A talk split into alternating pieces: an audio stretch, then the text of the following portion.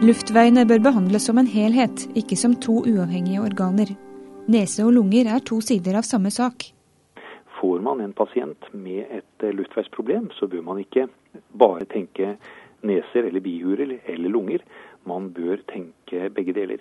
For det er sånn at veldig mange pasienter som har problemer i et luftveisavsnitt, de har det også i det andre. Det sier Sverre Steinsvåg. Han er avdelingsoverlege ved øre-nese-hals-avdelingen ved Sørlandet sykehus og forfatter av artikkelen 'Nese og lunger to sider av samme sak' i tidsskriftet nummer 19. Tradisjonelt er nese og lunger blitt behandlet som ulike og uavhengige organer, men nå vet vi at de har mange anatomiske fellestrekk. Øvre og nedre luftveier de er jo egentlig et eh, rør med øvre luftveier i den ene enden og nedre luftveier i den andre. Og på den måten så vil øvre og nedre luftveier kunne påvirkes av veldig mange av de samme stimuli, både når det gjelder temperatur, eh, fuktighet i den luften som er i luftveiene, og eh, det som eventuelt måtte være der av forurensning og pollen etc. I tillegg så har slimhinnene i øvre og nedre luftveier en rekke fellestrekk. De har den samme type dekkceller, dvs. Si dekkceller med flimmerhår på toppen. Eh, som skal transportere sekret og eventuelle farlige stoffer. Eh, og de har også mange fellestrekk når det gjelder eh, andre elementer i denne slimhinnen. Det gjør at de forsvarssystemene som er knytta til slimhinnen, de har mange likhetstrekk i øvre og nedre luftveier. Og på den måten så vil de kunne skades på samme måte av de samme stimuli. Sykdommer i øvre og nedre luftveier opptrer ofte samtidig, og ifølge Steinsvåg henger de også sammen.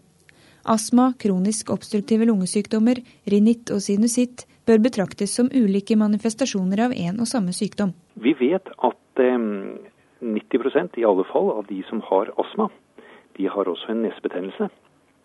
Vi vet at det er en klar sammenheng mellom nesepolypper og astma. Og vi vet at mange av de pasientene som sliter med akutte og kroniske bihulebetennelser, de har også astma. Det er en klar sammenheng mellom det å høysnue det å også, og det å også ha en allergisk astma. Det er flere årsaker og forklaringer til denne sammenhengen mellom nese og lunger. Steinsvåg sier det er fire mulige forklaringsmekanismer. Det kan være en immunologisk sammenheng, dvs. Si at påvirkning av øvre luftveier det setter i gang en immunologisk reaksjon som på ulike måter transporteres til beinmarg. Og fra beinmarg går det signaler ut til resten av kroppen, bl.a. Eh, lungene, om at nå skal det startes en tilsvarende betennelsesreaksjon i nedre luftveier. Det er da en immunologisk eh, forbindelse mellom øvre og nedre luftveier. Eh, vi ser for oss eh, et annet alternativ som går på ren, eh, ren mekanikk, egentlig. Dvs. Si at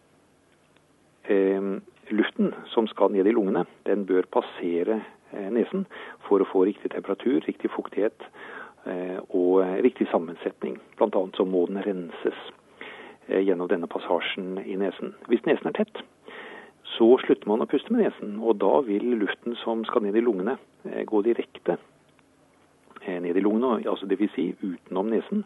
Dermed får lungene for kald, for tørr og for skitten luft å jobbe med, og det gir sykdom i lungene. Så eh, betydningen av å puste med nesen er veldig veldig stor i forhold til å holde lungene friske.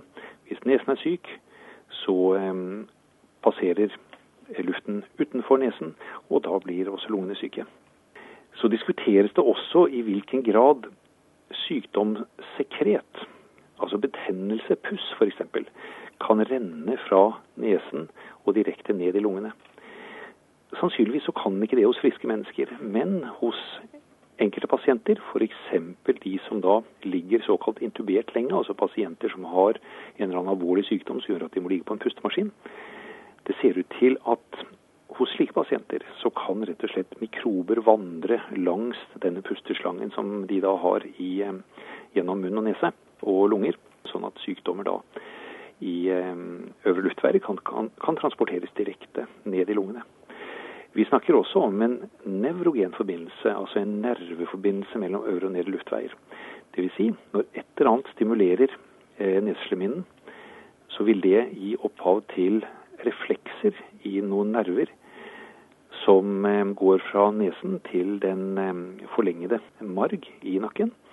Og derfra går den videre ned i lungene og forårsaker eh, trange forhold i nedre luftveier. Sykdommene og plagene henger sammen, så gjør naturlig nok også behandlingen. Medikamentell og kirurgisk behandling av inflammasjon, infeksjon og tetthet i nesa kan f.eks. ha positive effekter på samtidig sykdom i lungene. Det vi vet, det er at det å åpne nesen, enten medisinsk eller kirurgisk, det åpner, for å si det litt banalt, også lungene. Eh, når det gjelder medisiner, så er det best dokumentert når det gjelder såkalte lokale nasale steroider, dvs. Si kortisonholdig nesespray.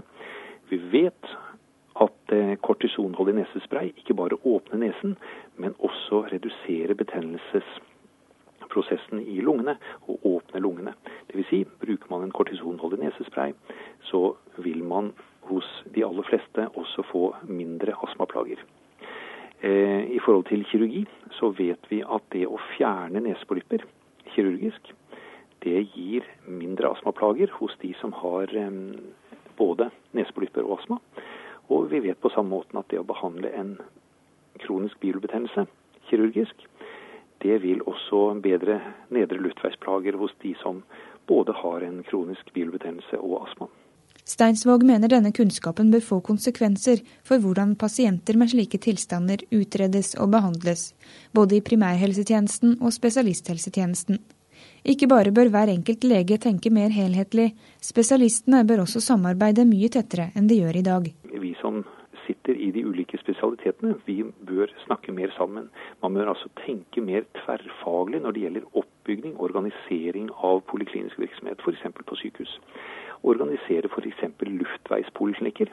Og ikke ørens- og halspoliklinikker og lungepoliklinikker hver for seg, men som sagt luftveispoliklinikker, der man ser på både øvre og nedre luftveier hos de pasientene man behandler.